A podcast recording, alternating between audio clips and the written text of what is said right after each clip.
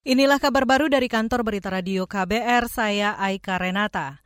Wakil Presiden Ma'ruf Amin menyebut salah satu hambatan perkembangan peradaban saat ini adalah cara berpikir sempit dan tidak terbuka terhadap perubahan.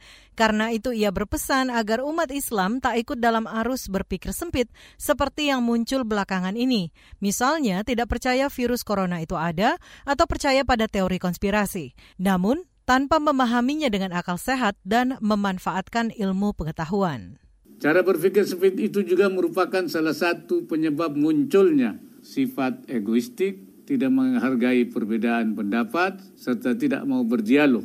Cara berpikir sempit juga bisa melahirkan pola pikir yang menyimpang dari arus utama atau bahkan menjadi radikal yang dapat menjustifikasi kekerasan dalam menyelesaikan masalah. Wakil Presiden Ma'ruf Amin menilai cara berpikir sempit itu bisa menghambat dan kontraproduktif terhadap upaya membangun kembali peradaban Islam. Berpikir moderat, dinamis, dan tidak ekstrim menjadi cara membangun kembali peradaban Islam. Kita beralih, kebijakan kampus mengajar yang ditetapkan Menteri Pendidikan dan Kebudayaan Nadiem Makarim dinilai menghamburkan anggaran sebab tidak berdampak bagi masyarakat maupun dunia pendidikan. Kritik ini disampaikan pengamat pendidikan Darmaning Tias.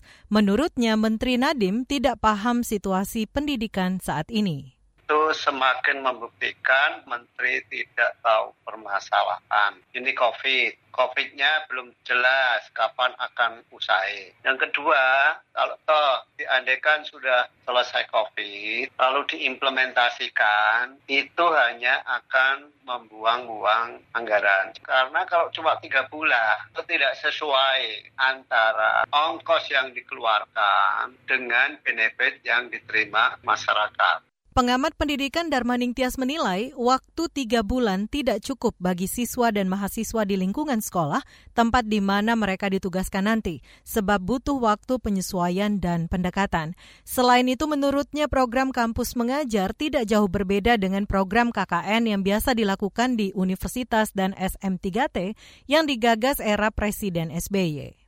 Satu informasi lain, Saudara, Komisi Perlindungan Anak Indonesia KPAI mengecam promosi pernikahan anak di media sosial yang diduga dilakukan pengelola Aisyah Weddings. Dalam selebaran dan spanduknya, Aisyah Weddings mempromosikan pernikahan anak dan nikah siri.